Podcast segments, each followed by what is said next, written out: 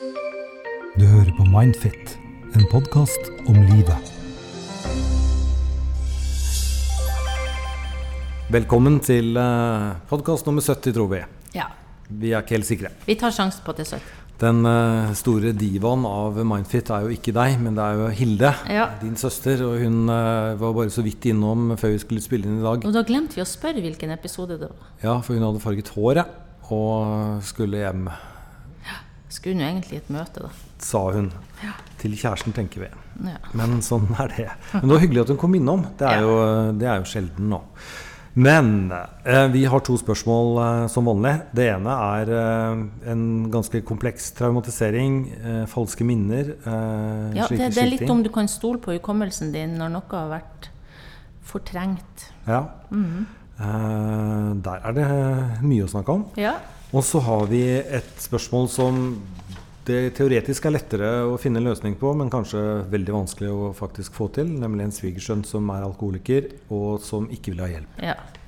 Det er de to spørsmålene vi skal gjennom med. Um, har du hatt en fin sommer, da? Jeg har hatt en fin sommer, og jeg har ingen flyskam, Nils. Du har ikke flydd? Nei. Jeg har tatt eh, tog og buss for tog. Ja, men du har ikke tatt eh, tog for buss for tog? Det er ganske kult. Tog for buss for tog. Ja. Det er liksom Hvis toget stopper, og så er det buss som er satt opp, og så stopper den også. Ja. Og så er det tog som blir satt inn. Nei, det har jeg ikke opplevd. Har du opplevd det? Tog for buss for tog er en, eh, en opplevelse. Men Hvor var du på det? Det var jeg på eh, utenfor Oslo. Ja. Og der var det gratis bananer og sjokolade. Ja. Fordi det var eh, Jeg var gjest nummer 100. Jøss.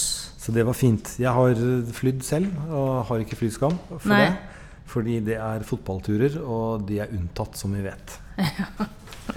Men da Vi skal ikke si noe mer om fotball, men det går bra med Rosenborg for tida. Ja, det gjør det. Mm. Nå var jeg i, i Manchester og så Manchester City mot Tottenham. Og det er en opplevelse å se hvor utrolig mye penger som er i eh, omløp. Mm. Eh, og hvor utrolig mange turister det er som ser på. Ja, ikke sant? At det er ikke så mange av de her locals. Nei, det er ikke det. Så det jeg tror jeg satt sammen med en japansk mor som var totalt uinteressert i kampen og satt og holdt på med Snapchat, mens da sønnen hennes, som var da tydeligvis blodfan, Ja. var helt ekstatisk. Ja. Og far det samme. ja. Men mor eh, couldn't care less. Mor kom ikke ut til andre omgang, for å si det sånn. Men nå skal vi ikke snakke oss bort. Vi skal eh, begynne på det første spørsmålet, og Ja. da leser jeg. ja. Hei, tusen takk for at dere besvarer spørsmål. Jeg har en uspesifisert traumelidelse etter kompleks traumatisering, omsorgssvikt, vitne til vold, tap av omsorgspersoner, alkoholisering og går jevnlig i behandling. Ble hentet av barnevernet tidlig, men har alltid hatt traumer. I utgangspunktet har jeg lite minner om konkrete hendelser, da jeg i all hovedsak var 0 til 2 år, men var også sporadisk eksponert frem til seksårsalder. Jeg husker mest steder, personer og følelser. Det siste året har det kommet minnebilder om seksuelle overgrep fra kanskje femårsalderen. Jeg vet hvor, hvem og hva, men jeg klarer ikke å si sikkert om det faktisk har skjedd eller ikke, da minnene har vært borte i 15 år ca. Det virker veldig rart at de har forsvunnet og først komme tilbake nå, og det gjør at jeg ikke helt stoler på min egen troverdighet i minnet. På en side så føler jeg så sterkt at det har skjedd, men på den annen side så føles det umulig med tanke på hvor innblandet barnevernet var i den perioden. Jeg skjønner ikke hvordan jeg skal finne ut om det har skjedd eller ikke, og i mellomtiden kan jeg våkne opp kvalm med dette ekle bildet i hodet. Jeg klarer ikke å åpne meg i terapien om konkret hvilken seksuell handling det gjaldt, da jeg er nedsnødd i skam og syns det hele er så ekkelt at jeg aldri har klart å sette ord på det. Det føles trygt å bære hemmelighetene alene, samtidig som det er vondt å ikke tørre å dele det med noen. Noen tips? Du, det, det er mange spørsmål som skal besvares her, egentlig. Og det er jo også en stor diskusjon, det her med falske minner. ikke sant? Så jeg skjønner godt at denne innsenderen blir forvirra på om det har skjedd eller ikke. Og nå er det jo sånn at jeg har eh, mye erfaring akkurat med det her med seksuelle overgrep. Jeg har jobba mye og hjulpet uh, både menn og damer som har vært utsatt for det. Eh, så vi får prøve å holde litt tunga rett i munnen. Eh, men i utgangspunktet så vil jeg egentlig først gå til det siste og snakke om det her med den skammen. Vi vet ikke om det er hun. fikk en følelse at det var hun, men det trenger det ikke være. Men det, det siste som blir skjedd, det går på det her med eh, skam. Mm. Og om hun eller han skal fortelle det til terapeuten sin. Eh, og da vil jeg tenke i utgangspunktet at det håper jeg virkelig. Eller at hun da Vi kan kalle henne en hund. Ja, Så det, du er, en, det enklere. hvis men, du er en han, så ber vi om unnskyldning. Men Ja. vi, bare, vi kunne like gjerne kalt deg han, men vi kaller deg en hund. Fordi, eh, og det er viktig poeng, Nils, fordi det er en god del menn også som blir utsatt for seksuelle overgrep. Så vi skal liksom ikke bli for sånn kjønnsstereotyp i oppfatninga. Men hvis man, ikke, hvis man har vært i terapeutisk løp, Ja, og så sitter man og merker på at man sitter på den selve store eh, hemmeligheten, ja, og ikke eh, har lyst til eh, å fortelle det til terapeuten, så kan det også være kanskje et tegn på at man kan bytte terapeut. kan være det. Altså, noen ganger Husk på, det her har gått i bølger. Når jeg studerte, det var, da var det jo en sånn bølge om at en måtte spørre om seksuelle overgrep, og at det var mer fokus på det. Eh, og en vet jo at denne skammen som følger med sånne type hendelser, gjør at veldig mange frivillig forteller jo ikke at de har vært utsatt for det. Og jeg tenker som terapeut, da, hvis noen kommer til meg, og, og sånn som her da, har opplevd veldig mye ustabilitet, mange typer andre øh, typer plager som har vært der? Så, så, så er det jo naturlig å spørre òg, som terapeut. Nettopp, for det var det jeg egentlig tenkte Ja. på med slik hun beskriver Ja, alle de utfordringene hun Ja. har hatt, og går i eh, terapi. til- ja. Så er det veldig naturlig å spørre om Har du blitt Her har det vært vold, her har det vært omsorgssvikt. Så det er veldig rart hvis det ikke har skjedd. Og, og da, sånn som jeg tenker Veldig mange forteller jo ikke ting hvis de ikke blir spurt om det, for at de kan tenke at da tør de i hvert fall ikke fortelle det. Og så er det mye skam rundt det. Eh, sånn at jeg oppfordrer jo denne innsenderen, innskriveren, til å si det til terapeuten sin. Men, men jeg tenker jo som deg at det også er noe det hadde gått an å spurt pasientene sine om. Om det også har vært noe av det som har skjedd. Uh, Men vi, vi kan vel også bare si det at hvis hun føler at det eventuelt er, er forbundet med skam, ja, og sier det til terapeuten, så kan vi berolige henne med å si ja. at terapeuten føler ikke det samme. Nei, Terapeuten altså, har jo hørt dette her før. Og, og det med skam knytta til å ha vært utsatt for overgrep, er i hvert fall noe som veldig mange kjenner på. Altså De føler skam. Og en del av det å bli utsatt for uh, traumebelastning uansett, handler jo også når du blir utsatt for det som barn, det er jo at barn tenker jo veldig sånn egosentrisk. Så de tenker jo veldig ofte at skjer det noe med meg, så må det jo være noe uh, min egen feil. Sånn at det er jo en veldig stor bit av det for mange at de har eh, dette skyldaspektet oppi alt. da. Eh, var det min feil? Var det jeg som innla Ja. meg på det? Men her er det også en utfordring på det her med virkelighet. Hva har skjedd, hva har ikke skjedd? Som også er veldig vanlig at folk er plaga med. Eh, flere som går til meg Nå er det jo sånn, nå er ikke jeg noen hukommelsesekspert, men jeg har jo satt meg litt inn i det. Uh, og hukommelsen er Det er jo ikke som et videokamera. vet du. Det er jo ikke sånn at vi eh, kan gå tilbake i, i historien vår og så si akkurat det skjedde. ikke sant? Hukommelsen re, Når du skal fortelle om noe som skjedde deg før, så rekonstruerer du det jo òg ut ifra hva du husker av det som har skjedd. Og det er jo interessant i seg sjøl at, at allerede i det å ta inn synsinntrykk, så er det jo ikke sånn at vi får med oss alt som skjer rundt oss.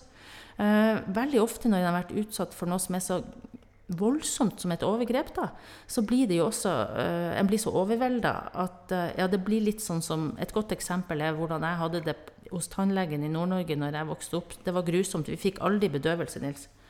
Og det eneste jeg husker, egentlig, bortsett fra smerten, det er den der Disney-tegninga han hadde på veggen. Sånn at mitt syn ble veldig sånn innsnevra til akkurat det. Og det er klart at når du blir overvelda, så får du litt det her kikkertsynet òg. Så noen ting blir veldig nært, og du husker det veldig godt. Andre ting blir litt mer sånn diffust. Jeg er ikke helt sikker. Uh, og det blir også sånn at, at, at hukommelsen din blir litt sånn fragmentert seinere, da. Altså, du klarer kanskje ikke fortelle en hel historie om hva som skjedde. Eh, og dette at du også har behov for å trekke det altså, ikke sant? Vi har jo snakka om dissosiasjon før. Det her med at når ting blir overveldende, så er det akkurat som du forlater litt kroppen din. Det gjør det vanskelig å forstå helt hva som har skjedd. Så har du det her med språk. Så her snakker vi om tidlige type overgrep, da. Og en vet jo at uh, det, å, altså det, det, å, få satt språk til, til, det en har opplevd, er veldig sentralt. Og hvis det ikke er satt noe språk til det, så blir det kanskje enda mer uvirkelig. Og det med språkutvikling og sånn, altså alt som skjer før uh, uh, En vet at eksplisitt verbal hukommelse, det har vi egentlig ikke. Det begynner ikke å bli aktivert før fra treårsalderen. Mm. Så det er mange ting som gjør at det du faktisk husker fra den perioden, er litt sånn vanskelig uh, å vite sånn helt uh, hva det faktisk var. Uh, men jeg kan jo også si det at når det gjelder seksuelle overgrep, som er veldig Altså alt som igangsetter fryktsenteret, altså alt som har med frykt å gjøre altså Hukommelsen vår er jo prima på å huske det som vi skal være redd for til seinere. Sånn at veldig mange av de som har vært utsatt for veldig sånn voldsomme overgrep, de husker jo altfor godt òg, det må jeg si. Mm. Det jeg ser mange kan få problemer med, nå snakker jeg generelt, det er de her type beføling, litt sånn uklare type overgrep. Uh, skjedde det Hadde han fingeren der, eller hadde han ikke? Skjønner du? Uh, det kan bli litt sånn tvil rundt det. Og så er det også sånn at selv om folk kan si til meg at jeg vet jeg ble utsatt for uh, dette overgrepet, så klarer jeg ikke huske alle detaljene. Jeg vet ikke akkurat, jeg husker litt der og litt der, hvis du skjønner. Uh, kan en liksom uh, Noen som, av de som kommer til meg, de sier jo det, det her at de ikke de har ikke tenkt på altså For noe av det som også skjer, er at en unngår å tenke på det. ikke sant? En bruker ganske aktivt. Mm. Mange som kommer til meg, de sier at dette med de her overgrepene de har ikke forstyrra meg, ikke plaga meg før nå nylig. Altså Kanskje det skjedde et eller annet, skilsmisse, kanskje du ble for syk, litt kronisk syk, eller et eller annet. Du, du går litt sånn i bakken. Da plutselig begynte det å plage meg. Men før det så har mine strategier for å unngå å tenke på det vært så, uh, jeg har vært så god på det at jeg har liksom klart å skyve det unna hele tida. Sånn at det er jo sånn at sånn sett også, så kan det oppleves som om det faktisk ikke har skjedd. Men uh Eh, to spørsmål her, egentlig. Eh, for det første så er det fullt mulig å la være å huske hvis eh, man vil. Eh, altså, det betyr at man må på en måte være etter femårsalderen. Eh, at man liksom aktivt skjønner at det her har jeg ikke lyst til å huske på. Det er min måte å overleve på. Så jeg setter det bare i en liten boks og glemmer den, liksom. Mm. Det er mulig. Og så er det det du sier. Hva, hva skjer før du får språk? For da skjønner du ikke helt hva du har opplevd. Du skjønner ikke helt hva du har opplevd engang. Og da er, da er det vel litt mer eh, at man ikke husker ganske store perioder. Ja, eh, for det er liksom, alt var bare borte. Folk har bare sånne små glimt, eh, er min erfaring noen ganger. Og da kan det, kan det jo Altså Sånne minner kan jo plutselig komme tilbake. Det kan være en, en, lukt, en lyd, eller en kombinasjon av en lukt eller en lyd, eller et eller annet som ja. bare plutselig trigge det. Trigger det men, men, men, eh, samtidig en stor usikkerhet hele tida rundt hva skjedde faktisk. Ja. Så, som terapeut er det viktig for meg også å få sagt til folk at, at jeg, vi her nå vi klarer, Det er umulig nesten å finne ut akkurat hva som skjedde. Eh, ikke sant? Fordi mm. uh, Det er der det der med falske minner kommer inn nå. At hvis terapeuter legger for mye ord i munnen på de pasientene som går til dem uh, Fordi det er en, er god del hull som skal fylles inn. Mm. Uh, og nå i etterkant så får vi ikke fylt dem ordentlig inn. Så det blir jo litt å tenke seg litt til hva som skjedde òg, ut ifra de uh, enkeltstående episodene de klarer å huske. Så det er litt sånn viktig for folk å få laga seg et narrativ, uh, en sammenhengende historie i mm. hva som har skjedd.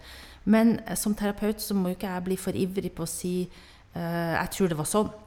Nei. Nei, For de er jo kjempeusikre, de òg. Sånn jeg må jo helt holde åpen for dem at for meg er det viktig å få sagt til dem at ut ifra det du beskriver, og sånn som du har det, så er jeg helt sikker på at det har skjedd deg noe grenseoverskridende. Jeg, jeg tror mm. du har vært utsatt for noe.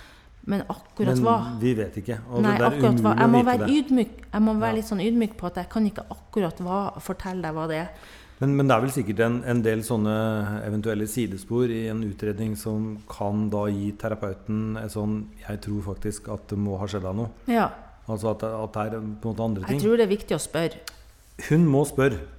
Ikke hold det her inne, inni deg. Og nå har du begynt å sende dette brevet. Så det er en fin start til å faktisk snakke med terapeuten, som faktisk har gått seks år på skole for å turnere sånne spørsmål.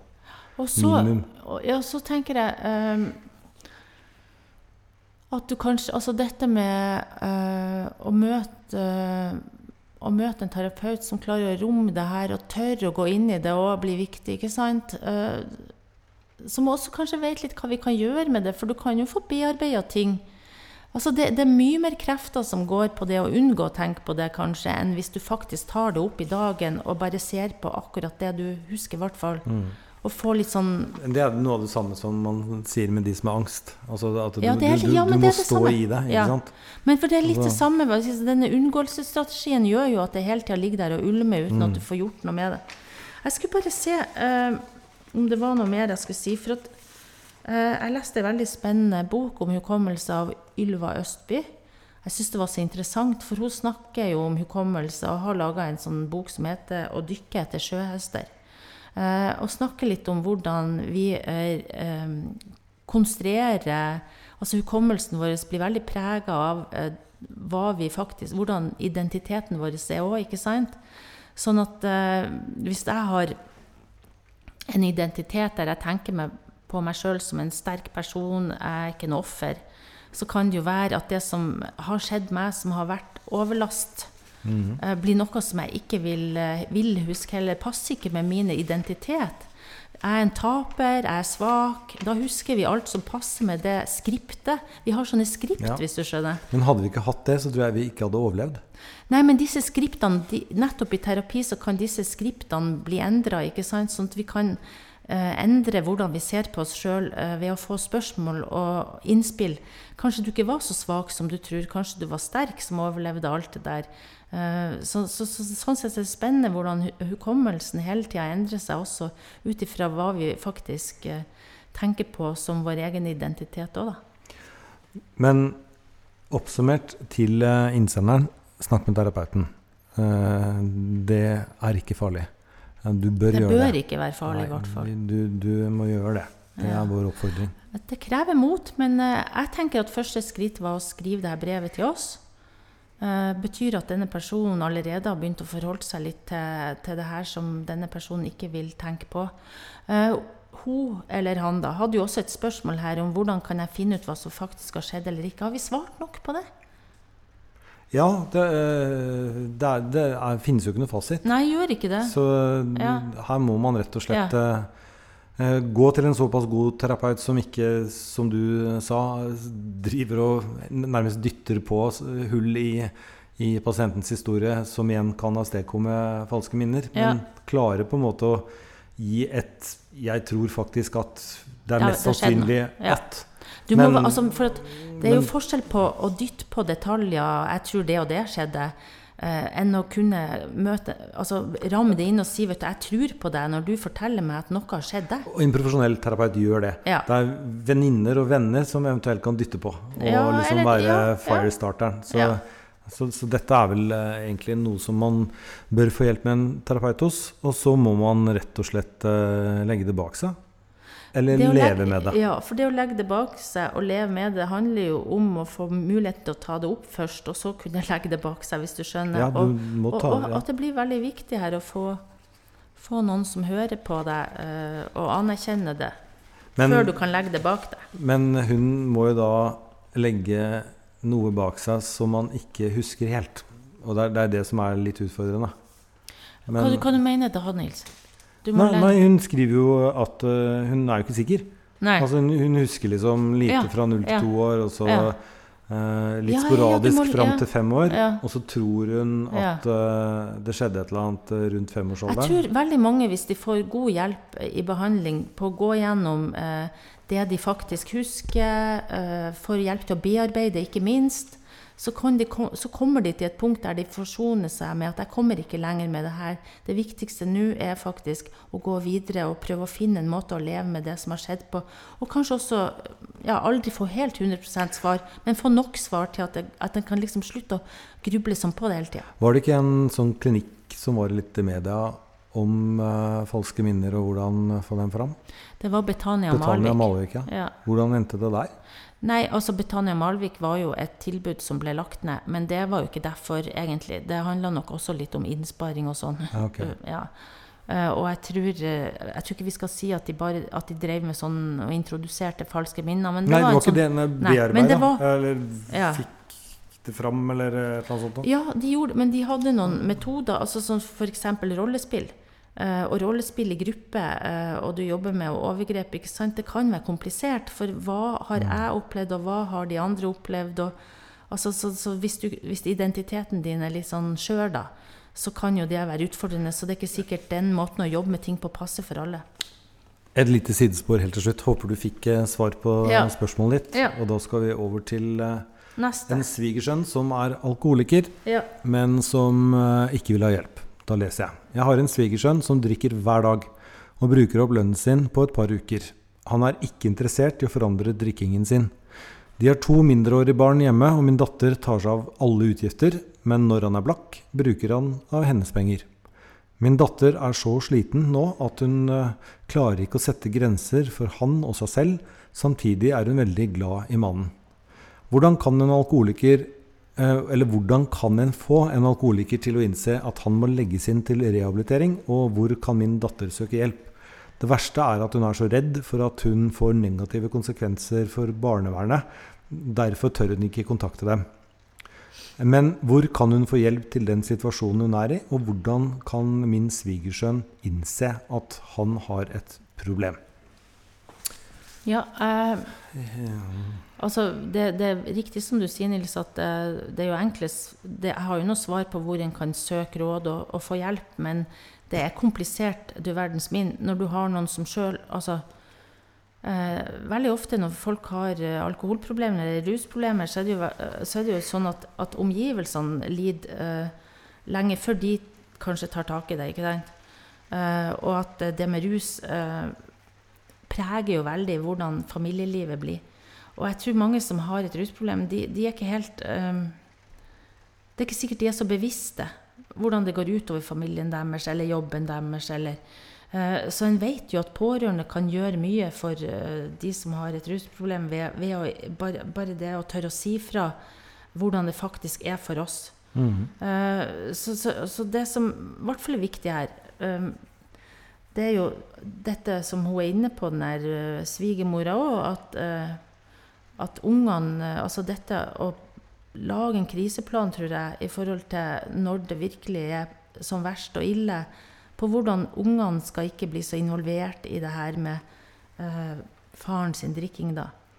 Og så er det jo samtidig sånn, for jeg har jo erfaring med det her, at, at, at foreldre kanskje tror at de klarer å beskytte, eller at ungene ikke ser, men at unger fanger mer opp enn en tror. Små gryter har også ører. Ja, vi har snakka mye om det. Ja, Sånn at det, det. er en veldig sånn trist situasjon her, for det høres veldig langtkommen ut uh, med, med denne drikkinga her. Altså, du, det er jo grader av å ha et alkoholproblem òg, men dette høres veldig langtkomment ut. Ja, Hvis du drikker hver dag og bruker opp lønna på et par uker, uh, så har du nok det. Det er så rart at han klarer Men det er jo veldig ofte en erfaring jeg har, at jobben er det som ryker sist, da. Altså, du har jo, ja, men du har jo også forskjellige grader av og, altså Nå er det alkoholiker og ikke generell rus, men du har jo working alcoholics, eller functioning alcoholics, Ja, heter det. ja. ja. Som Winston Churchill og sånne ting. Ja. Så, altså, hadde et normalt menneske drukket halvparten av det han drakk Ja, hver han dag, drakk så hadde de ikke klart å gå Nei. engang. nei. Eh, Innafor kultur er det jo veldig mange Ja, sant nok. som fungerer Ja. der. Men det jeg tenkte på, er at uh, du, det er jo umulig å få en som er rusavhengig, til å få hjelp som ikke vil det selv. Nei. Det er liksom nummer én. Og det, det er jo en sånn, og det er helt riktig. Men det er interessant for meg som har jobba mye med pårørende, å se hvordan det at pårørende tør å si mer hvordan de opplever Ja. det, kan bevege en alkoholiker òg. For, fordi eh, denne svigersønnen har jo flere roller. Den ene rollen er å være alkoholiker. Han har en annen rolle som far. Ja, og partner. Han, og, og, og ektemann, eller hva det er for noe. Og så har han en tredje-fjerde rolle som eh, ansatt et eller annet sted. Ja. Så No, noen gjør jo det, vet du. De kontakter arbeidsgiver. Ja, og da har du Akan og Ja. sånne program. Ja, det har du. Eh, Mange arbeidssteder har, har det. Så det man også kan gjøre, er jo å prøve på en sånn familieintervention og si at eh, Mm. det her går faktisk ikke. Ja. Eh, du er nødt til å søke hjelp. Ja. Og du har eh, 14 dager på deg. Og har, gjør du ikke det, så kontakter vi eh, eh, arbeidsstedet ditt. For det er bedre å ta dette her på forhånd enn at Jeg tenker uh, at eh, Kanskje det, litt det er hardt, det lett Jo, nei, det er ikke hardt, men det er bare veldig veldig vanskelig for enkelte å få til det. Så i første omgang så trenger jo denne dama noen å snakke med. Så jeg syns det er veldig trist eh, så klart at, at hun tenker at Hun kan ikke gå til barnevernet, for at da bare starter de med å sette press på på at hun må liksom Ikke sant? Ja, det var det hun var redd for, ja. Ja, redd for barnevernet, naturligvis. For at de vil jo si 'har du beskytta ungene'? Eh, og så kan de jo også si 'du kan ikke bo med denne mannen'. Selvfølgelig kan de det. Eh, men det finnes jo også frivillighetsorganisasjoner, sånn som Al-Anon. Det er jo et sånt nettverk eh, anonymt for pårørende. ja. Eh, og på rus... Al-Anon. Al-Anon. Altså AL-Anon. AL-Anon. Ja. Og i, eh, i Helse Midt-Norge her så har, eh, har vi et kompetansesenter for rus, og de har jevnlige møter, samtalerom mellom pårørende og fagfolk, så, som er gratis. Uh, Rustelefonen uh, Mm. Er et sted du kan kontakte Ja, for det det, det som drives av Bymisjonen, er det det? Nei. Nei, nei, dette er Helse Midt-Norge. Ja. Det drives ikke av nei. Kirkens Bymisjon. Men jeg er helt sikker på at de òg har et tilbud. Ja. Ja. Men egentlig så sier du at helseforetakene, alle sammen, altså uansett hvor denne innsenderen bor hen i Norge, så vil det være et gratis tilbud som hun kan Det tør jeg ikke påstå. Men Rustelefon har oversikt over tilbud. Du kan kontakte dem og få hjelp til å finne ut hva som, er, hva som finnes i ditt nærområde. Eh, og i tillegg sånne frivillighetsorganisasjoner som finnes. Eh, og Rustelefon, der kan du også sende inn spørsmål anonymt ikke sant, og få svar. Eh, så det finnes steder å kontakte, da. Uh, Lade behandlingssenter her i byen, Blå Kors, de har jo et pårørendetilbud. Så du som pårørende kan få et tilbud helt på egen hånd. Så du må ikke gå til barnevernet i første omgang, da, for å si det sånn. Og så kan det hende at denne historien her ikke hadde vært fortalt akkurat slik hvis det var eh, svigersønnen som eh, mente noe. Altså man kan også definere f.eks. et drikkemønster uh, forskjellig. Det kan hende at uh, mora uh, ser det litt annerledes enn det faktisk er. At han ikke drikker hver dag. At han ikke bruker opp lønna si etter to uker hver måned, og så bruker datterens penger. Ja, det er jo gjennom svigermors øyne, det her. Men allikevel, så selv om det er det, Ja, så sier svi- svigermor ja, at drikkinga di er et problem for familien. ja. Nå må du Jeg tror det er veldig vanskelig eh, kanskje for svigermor eh, å gå rett ut og være den som Jeg må jo også si det, hvis du skal konfrontere noen som har et sånn type problem som det her, så verst tenkelig tidspunkt er vel akkurat når de er berusa eller påvirka. Eh, for da er jo folk veldig i en sånn benektelse. Det har jeg masse erfaring med. Jeg har jo folk som har vært En som drikker hele tida. da, så- ja, men så ekstremt full og sier bare at de, har, de er ikke full. Eh, sånn at uh, det, du må, det er noe med å finne rett tidspunkt òg. Noen ganger er jo han edru òg. og så er det noe med å ta utgangspunkt i sin egen bekymring, og ikke, ta, og ikke bli sånn 'du må slutte å drikke'. Kanskje heller ta utgangspunkt i at eh, dette gjør noe med meg, det gjør noe, så, altså som partner, denne dattera. Eh, det gjør noe med følelsene mine for det. Jeg, dette går utover ungene. Ungene har det ikke bra. Det er noe med å liksom Ja. ta det den veien. Eh, og det er det jeg mener med å søke seg hjelp. Og der kan du få hjelp og støtte til hvordan du skal si ting, hvordan du skal få det frem. Eh, men typiske faresignaler, det må jeg si. Hvis rus har blitt så omfattende i denne familien at det blir det som, organi liksom ja, Det er det som på et vis bestemmer hvordan dagsprogrammet er. Altså Hvis pappa har drukket seg snyden, så kommer vi oss ikke på svømmetrening.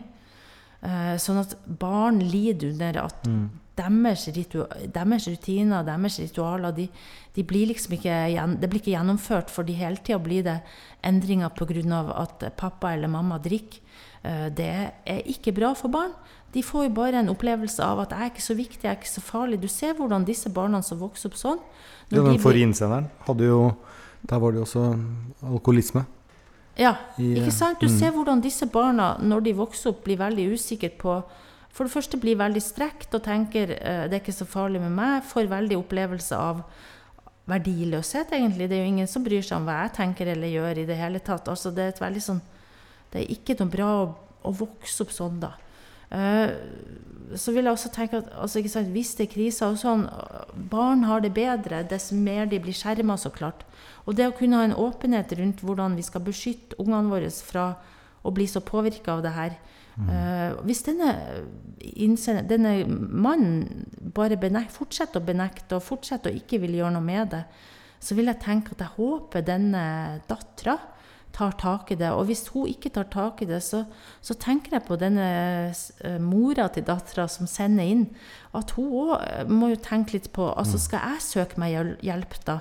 Skal jeg, jeg kan jo, for hun kan jo faktisk ta anonym kontakt med barnevernet og drøfte hvordan vil dere ta tak i saken. Uh, hun kan jo sjøl, hun òg, ta kontakt med disse organisasjonene og høre hva er lurt å gjøre. Det som er veldig dumt, er liksom å la årene gå og så la det bare fortsette sånn som det er. Mm. Det var mange gode råd. Ja, eh, to, to, veldig gode spørsmål vi hadde ja, i dag. Jeg vil også si at det var to veldig gode spørsmål. Jeg vil, jeg vil så gjerne håpe at dette løser seg for begge to. For begge to, ja. ja. Eh, da tror vi at eh, program 70 er kommet til veis ende. Ja, det er det. Og vi høres plutselig igjen. Ha det bra. Ha det.